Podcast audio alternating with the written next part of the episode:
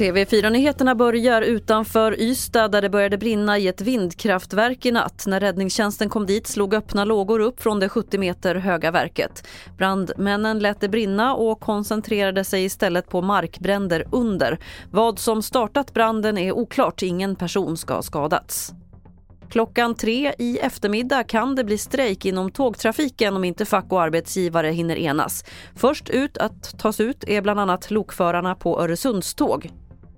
Detta är en avtalsenlig strejk och vi har ju undersökt då om vi skulle kunna sätta in några ersättningsbussar i nuläget. Eh, men det går inte, alltså vi kan inte gå utanför för det är en konflikt eh, och i konflikten i nuläget så kan vi inte sätta in annat trafikslag. Tyvärr då. Så att det blir ju väldigt stökigt för våra bropendlare och det beklagar jag verkligen. Det sa Jarl Samuelsson som är vd på Öresundståg. Strejken handlar framför allt om schemaläggning och att de anställda tycker att schemat ändras med för kort varsel.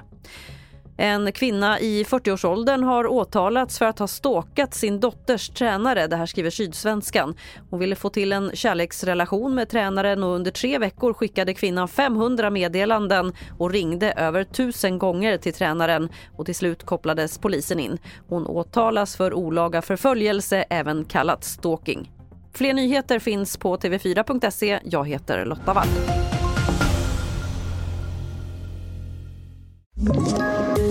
Poddtips från Podplay. I podden Något Kaiko garanterar östgötarna Brutti och jag, Davva, dig en stor dos skratt. Där följer jag pladask för köttätandet igen. Man är lite som en jävla vampyr. Man har fått lite blodsmak och då måste man ha mer.